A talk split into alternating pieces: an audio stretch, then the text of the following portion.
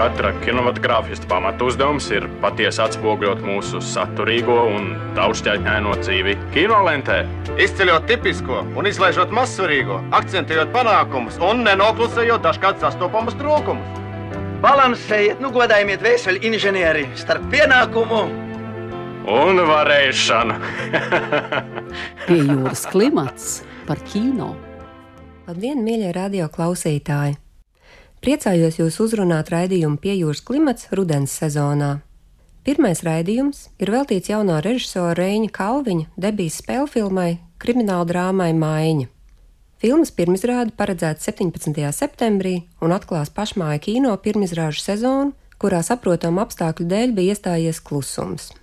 Maiņa stāsta par vienu bīstamiem notikumiem bagātu nakti taksista Mareka dzīvēm. Lai nopelnītu vairāk naudas, viņš ir iesaistījies nelegālajā taksometru biznesā, taču dažādu neveiksmu sēriju izmaina Marka dzīvi. Taksistu biznesa tumšā un nelikumīgā puse filmā ir attēlota skaudri un realistiski, ļaujot skatītājiem ielūkoties pasaulē, kur varbūt līdz šim ir bijusi sveša. Filmas sižeta pamatā ir reāli notikumi un dokumentāli taksistu stāsti, kurus scenārija formā pārvērtuši Reinis Kalviņš un Aldis Bukšs. Filmas operators ir Džordžs Čipers no Rumānijas, galvenajā lomā redzams liepājas teātra aktieris Edgars Ozoliņš, filmas producents Gins Grūbe un filma tapusi Mistrus Mēdī paspārnē. Nelielu ieskatu filmas tapšanas procesā pagājušā gada pavasara raidījumā jau sniedz producents Gins Grūbe, kad runājām par debijas un mikrobudžeta filmu izaicinājumiem. Taču šoreiz raidījumā viesojas plašāks lokus no filmas maiņa radošās komandas un pievērsīsimies dažādākiem jautājumiem. Pie mums studijā ir režisors Reinis Kalviņš, Mareka lomas atveidotājs Edgars Ozoliņš un filmas producents Gins Grūbe. Sveiki! Labdien! Labdien! Pirmais tāds vispārīgs jautājums jums visiem, kādas ir sajūtas pirms pirmizrādes un vai kaut kā jūsu plānus arī ietekmē Covid ierobežojumi? Nē, nu, ietekmēja tādā ziņā visvairāk, nu, no tehniskā viedokļa, tas, ka mums nevarēja operators atbraukt uz krāsu korekciju, kas man bija teiksim, tā lielākā sāpe no tā. Covid. Nu, par filmas izplatīšanu arī nu, tas datums pārlikts. Protams, ir kaut kādas šaubas par to, vai tas ir īstais solis vai nav, bet nu, to jau to mēs redzēsim. Un tas varbūt ir tas, kas šobrīd vairāk uztrauc nevis tā paša filmas kaut kāda pieņemšana uh, no publikas puses, bet vairāk tas, vai vienkārši nebaidīsies no vīrusa un ies uz kinoteātri. Man liekas, šķiet, ka cilvēki ir noilgojušies redzēt jaunu kino, jo Viņi apmēram vairāk kā pusgadu ir dzīvojuši ar dažādu platformu, vecām filmām. Un, uh, Es nesen, pirms pāris nedēļām, saņēmu Eiropas Kino akadēmijas jaunās filmas, kas ir tiek nodotas vērtēšanai. Tas patiešām bija svētki ieraudzīt, ka ir jauns kino tapis šajā gadā. Tajā nozīmē, es domāju, ka Reņģa filma ir viennozīmīgi notikums, jo tas ir kaut kas jauns un ilgu laiku nekāda jauna spēļu filma Latvijā šķiet kopš uh, viestura Kairiša pilsētas pie upes arī nav bijusi. Edgars, kā tev sajūtas pirms tam? Nu, man sajūtas tādas, ka es um, iepriekšējā reizē, kad biju šeit Rīgā, tad man negaidīti parādīja filmu mēdī dienā. Es īsti nebiju tam gatavs kaut kādā ziņā, jo pirms tam Reins bija no tiem režisoriem, kas neļāva skatīties playbacku uz laukumu, un es biju redzējis tieši neko no filmas, izņemot traileri. Un bija diezgan interesanti jā, paskatīties, bet tā pirmā reize bija tāda, tiešām nebija tam sagatavots. Kaut kā nezināju, ka mēs skatīsimies. Bet katrā ziņā ļoti interesanti. Es gan pirmo reizi skatoties tagad filmu, skatījos pārsvarā, kur tas ir bijis, kur tas bija. Ah, tā bija tā diena, tur bija tas, ah, reku tas nav ielikts montāžā. Tāpēc šobrīd man grūti pateikt kaut kādas tādas tālākas secinājumus par filmu. Es ceru, ka pirmizrādē, lai gan arī tad būs nosacīts satraukums, pieļauju noskatīties ar tādu objektīvāku aci. Kas bija tas pirmais impulss, kas lika izvēlēties tieši šo stāstu arī debijas filmai? Tas impulss man radās tur Sarajevā studiju laikā, tur tā sarežģītā situācija ar taksistiem. Un tajā pašā laikā kaut kādi tur bija tie virsraksti par kautiņiem tur lidostā un kaut kādu teritoriju dalīšanu. Un man liekas, interesanti tā atmosfēra, kas valda tur, ka tāds 90. gadu burbulis ir saglabājies. Un es sapratu, ka nu, te varētu būt pietiekami daudz materiāls, kur varētu izvērst tādu nu, negluži asu sižeta filmu, bet kaut ko uz to pusi.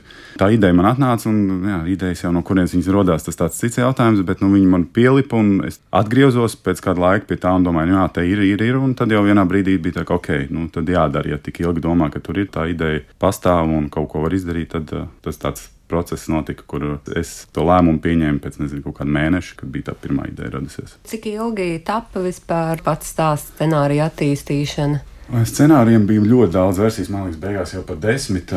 Tas sākās ar to, ka bija tā ideja. Es sazinājos ar Aldu Bulkšu, Latvijas scenāristu, Un mēs uzrakstījām pirmo versiju, un pēc tam pārrakstījām uz otro, trešo. Un tad, man liekas, pie kaut kādas trešās versijas mēs pieteicāmies tādam Sources 2, kas ir Vācijā scenāriju konsultāciju workshops. Un tad tur vēl notika darbs ar konsultantu. Un tur mēs tikām pie piektās versijas, bet pēc tam es turpināju viņu pārrakstīt. Jo savā ziņā viņi no sākuma bija nedaudz Tur vajadzētu lielāku budžetu, lai viņu uzfilmētu, bet pēc tam sapratām, ka, ja nu tas būs tas debijs, tad es mēģināju viņu vēl pierīvēt tā, lai to var tiešām izdarīt par to naudu, kas mums ir atvēlēta. Edgars, kā noritēja jūsu un Reņa kopīgā izpēte lomai? diezgan interesants process. Tas bija Reinis man pasauc uz Rīgu, un tad es pat divas dienas laikam vienā reizē paliku pie Reņa pat pa nakti, un mēs runājam par filmu. Viņš stāstīja, no kurām filmām viņš ir iedvesmojies, kas būtu jāpaskatās. Un tad mums bija arī tāda neliela tūre uz ostu, uz lidostu, paskatīties, kā taksis strādā. Mēs satikāmies ar pašiem taksistiem, runājām ar viņiem, kas kā. Mēs bijām arī izpētē uz dažādām vietām, uz spēļu zālēm, piemēram, jo Marekam arī galvenās lomas puisim ir mazliet problēmas ar, ar azartspēlēm, un tātad mēs izpētījām arī to. Un Reinis man apstāstīja, kas kā, kāda ir viņa ideja, un tas ir arī redzams filmā kāda ir viņa ideja. Kā tev šķiet, kas ir tas, kas skatītājiem liek līdzi pārdzīvot Marekam kā varonim? Labs jautājums. Man liekas, ka filmā tik daudz, cik es tagad redzēju, un cik es teicu, ir, ir skaidri prātā. Es ceru, ka es noskatīšos otrreiz viņu mazliet objektīvāk, jo Reinis ir noteikti redzējis tik daudz reižu filmu, ka viņš vairs nav objektīvs, un es vēl neesmu objektīvs. Es tā uzskatu, lai spriest par filmu, bet uh, skatoties, man tiešām bija tāda sajūta, ka nu, Marks katrā ziņā noteikti nav ļaunais tēls, bet viņš ir tēls, kurš sanāk šajā visā putrā labākais no ļaunumiem. Es laikam tā to kaut kā varētu noformulēt. Tas arī ir tas, kas liek viņam just līdzi, jo viņš cenšas izķepuroties no tām nepatikšanām, bet tās nepatikšanas veļas kā sniega bumbu. Un, jo filma vairāk uzņem apgriezienus, jo vairāk to problēmu sakrājas. Un viena gara nakts Marikam ir sanākusi. Gint, varbūt tev ir objektīvāks viedoklis. Tad, kad Reinis atsūtīja scenāriju pirmo vai otro versiju, šķiet, es nu, neticēju, jo mēs gribējām pēc visām vēsturiskām filmām uzņemt kaut ko mūsdienīgu. Un es šim stāstam īsti nevarēju nocēt. Man liekas, ka tie ir kaut kādi nu, 93, 94 gads kaut kas tam līdzīgs pēc tās kopīgās sajūtas. Un tad es tā kā tāds uh, izbijis žurnālists iegūlēju vārdu taksometru kari, un tad man izlaica uh, 2018. gads pārdotas riepas vecrīgā, 2017. gads piekauts taksometru šoferis, izsisti stikli. Un es sapratu, ka tas, kas viss ir rēņu scenārijā, tā ir balta patiesība un tā notiek tur ārā tajā brīdī, jau, kad mēs filmējām, es sapratu, ka šī robeža starp dokumentālo un spēļu filmu šajā rēņa versijā ir ļoti tuvu. Jo, piemēram, zvanot Rīgas lidostas darbiniecei, kura tagad laikam ir vēl augstākā činā, un sakot, ka mums ir jāfilmē Rīgas lidostā taksometru karu situācija, viņa to uztvēra, ka mēs tā kā panorāmas vai de facto sižetu grasamies filmēt, un es viņai nekādīgi nevarēju iestāstīt, ka šī ir spēļu filma. Mums ir izdomāta situācija, mums ir neīsts taksometrs, mums ir neīsts varonis. Gan arī līdz ministra līmenim, ko mēs arī beigās nepanācām, jo viņi domāja, ka Kreins Kalviņš uzņem de facto sižetu. Filmā parādās tādas vietas, kas parasti nav īpaši atsaucīgas filmētājiem, nu, piemēram, arī spēļu zāles. Ar kādiem izaicinājumiem bija jāsaskarās tieši kā producentam, lai sarunātu visas šīs lokācijas. Man šķiet, ka visgrūtākā bija tā lidos situācija. Pārējais viss jau tomēr ir tāds atstrādāts sarunu process. Man šķiet, ka attiecībā uz rezultātu, man liekas, viņš ir neparasti uzteicams. Es Reinu varu uzteikt kā producents par nepiekāpīgu, lai, lai panāktu savu rezultātu. Kā teica Valentīna Freimana, ar talantu vien nepietiek, vajag arī prasmi. To prasmi var attīstīt tikai taisot nākamās filmas jaunu režisoru. Un to Valentīna teica par uh, kādu ļoti jau šobrīd pieredzējušu kino režisoru, neteikšu kur, bet viņš šo savu talantu patiešām attīstīja, taisot tālāk nākamās filmas. Un šī, es domāju, ir ļoti talantīgs apliecinājums idejai. Pie jūras klimats par kino.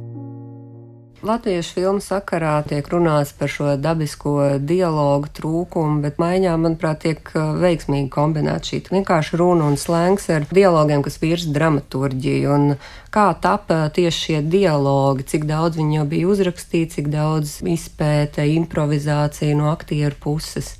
Kā kurā ainā? Improvizācija ļoti minimāla, vairāk bija tā, ka jā, bija mēģinājumi, un mēs gājām cauri tam sākotnējiem uzrakstītam, un es vienkārši dzirdu, ka kaut kas nestrādā.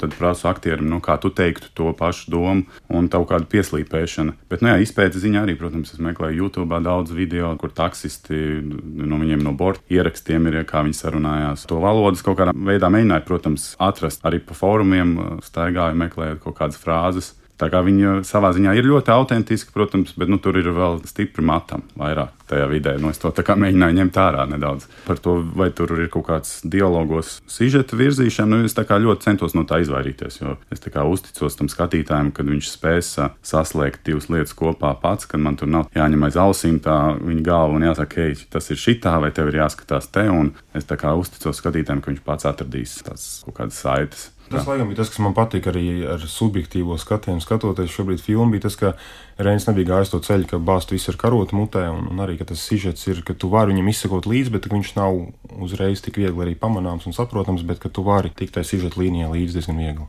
Bet eh, nu, nav jau arī tā, ka Edgars tika atrasts ļoti vienkārši lomai. Man liekas, ka castinga režisora Māra Liniņa bija vienkārši izvesta. Viņa teica, savāc vienreiz to savu režisoru, jo tur jau gāja jau simtos tie galvenās lomas varoņi, un redz, ka bija vērts eh, iziet cauri tām. Cik ilgi bija šis process? Process diezgan ilgs, jo es no sākuma noteikti zināju, ka es negribu redzēt ļoti jau redzētu Latvijas kinosēju tajā galvenajā lomā. Un tāpēc es tā no sākuma pat skatījos varbūt uz tādiem pat uh, amatieriem no sākuma. Bet, tā, kad sāc kaut kādas tur mēģinājumus, tu saproti, ka nu, tas ir ļoti smags darbs, teiksim, strādāt tīri ar amatieriem. Bet paralēli mēs skatījāmies uz uh, visiem profesionāliem aktieriem tajā vecuma grupā. Tur tā droši vien konkurence, cik viņi ir kaut kādi 20 tie aktieri tādā grupā. Nu, un, jā, nu, Edgars man tā kā uzreiz jau bija ok šitais ir noteikti jāskatās vēl. Un tagad mēs sākām strādāt mēģinājumos, tad bija ļoti apmierināts par savu izvēli. Bija pat no filmēšanas tā, ka vēl tās pirmās trīs filmēšanas dienas es negulēju, man liekas, naktī vispār. Tas nebija vienīgais. Bet pēc tam bija tāda aina, kad bija jānospēlē pirmā ļoti svarīga aina, un tad Edgars to izdarīja labāk nekā es biju gaidījis, un tad pēc tam es arī varēju mierīgi naktī gulēt. Edgars arī mierīgi pēc tam gulēja. Pēc tam es gulēju mierīgāk. Jā, jūs jau režisori viegli var nolasīt, ko viņš domā par aktieru. Jā, bet par to ticamo runu Edgars runā izcilu filmā Marika Lomā. Nu, tā jau man ticam, bet uh, tā pašā laikā es arī esmu piedalījies bieži vien sarunās par to, ka tā jau dzīvē nerunā. Un tad tu pēkšņi dzīvē dzirdi kaut kādus mūsdienu latviešu dažādu pauģu dialogus, un tev liekas, ja to ieliktu filmā, mēs visi teiktu, tā jau dzīvē nerunā, bet runā un kā vēl.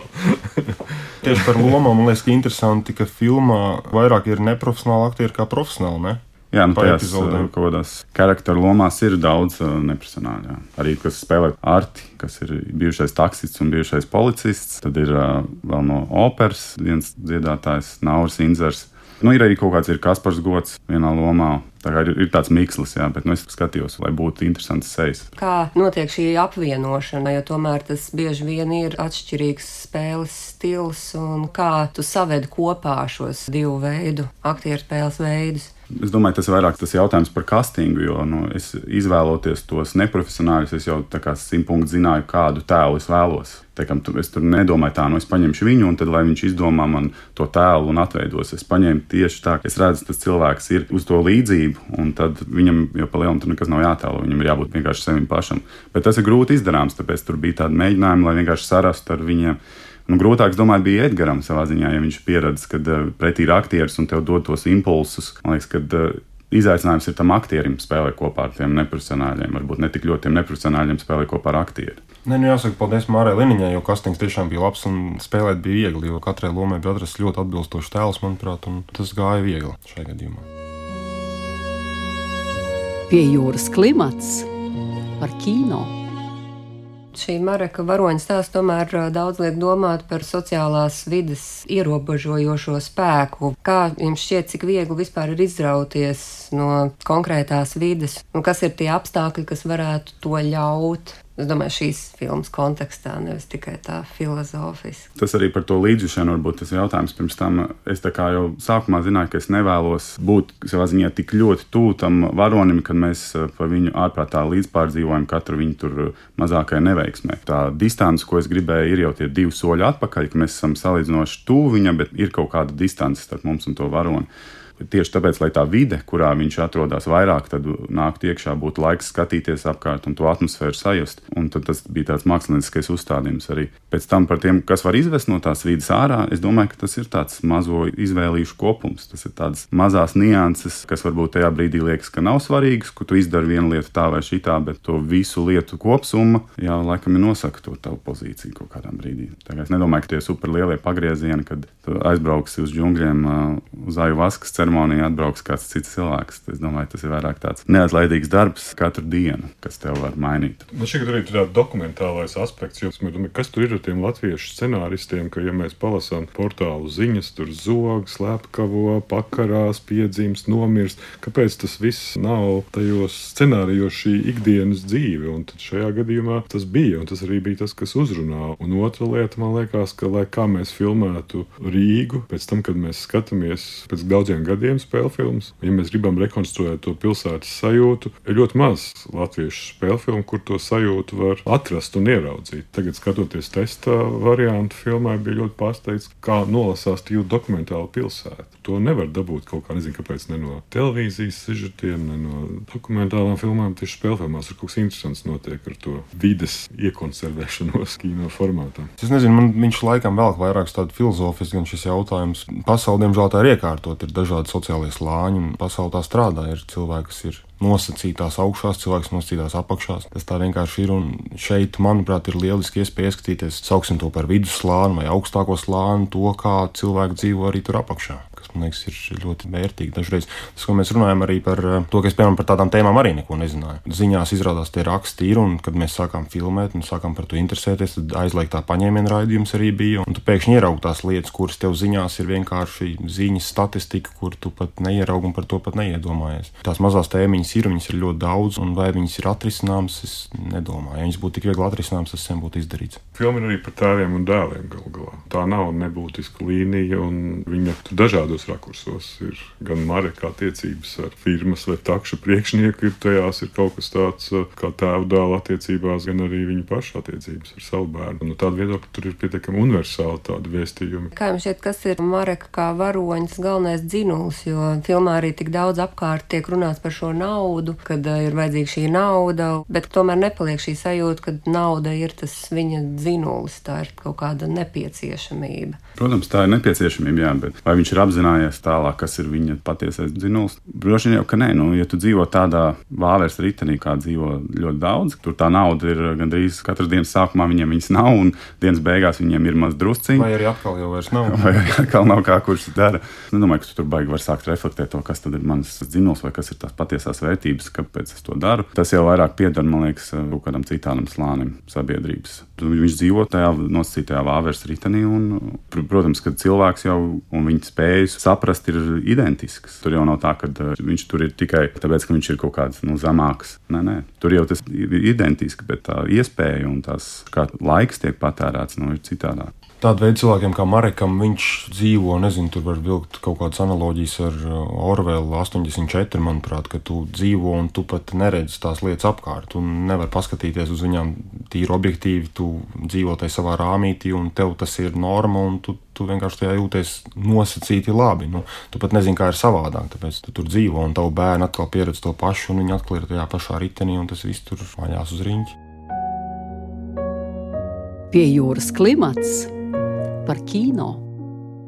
Debijas filma ir vienreiz mūžā, un vai tu jūti kaut kādu papildus spriedzi? Papildus spiedienu daļu tā ir. Jā.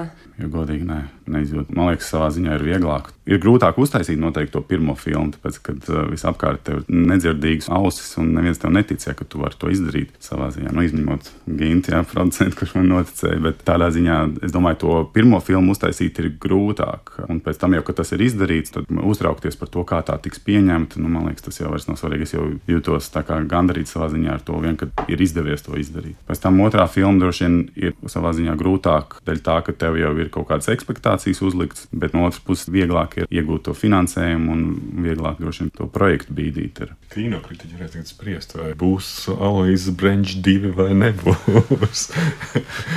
konferencēs.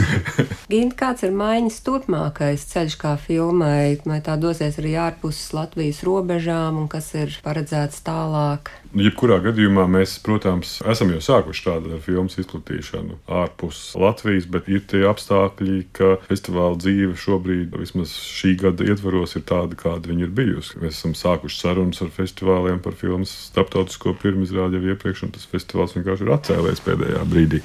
Tā kā no tā viedokļa mēs raudzīsimies, kas notiks tālāk, bet jebkurā gadījumā es domāju, šai filmai ir viennozīmīga vieta arī ārvalstu skatītājiem. Noteikti par to ir interesi, un tad mēs redzēsim, jo ārvalstu festivālos interesi par debijas filmām ir pietiekami liela parasti. Tā mūsu Latvijas problēma ir tie mazie budžeti, ka mēs tehniski tās filmas nevaram sagatavot uh, tādā kvalitātē pēcapstrādes, lai viņai būtu skaņa un bilde, viss būtu kārtībā. Tad uh, nu, šajā gadījumā, pateicoties latviešu talantiem, ir izdevies arī šo parasto trūkumu pārvarēt. Tajā nozīmē, viss ir kārtībā. Gan ar skaņu, gan ar bildi. Kā jums šķiet, kas ir skatītājs, kuru visvairāk varētu šī filma uzrunāt? Es kā sociālo tīklu administrators varu pateikt, ka uz filmas traileri visvairāk reaģēja vīrieši vecumā no 18 līdz 35. Tā bija tā trailera skatīšanās pamata auditorija. No tā viedokļa tur sākās arī diskusijas. Tajā nozīmē, kā zināms, parasti vīriešus uz kino aizved sievietes,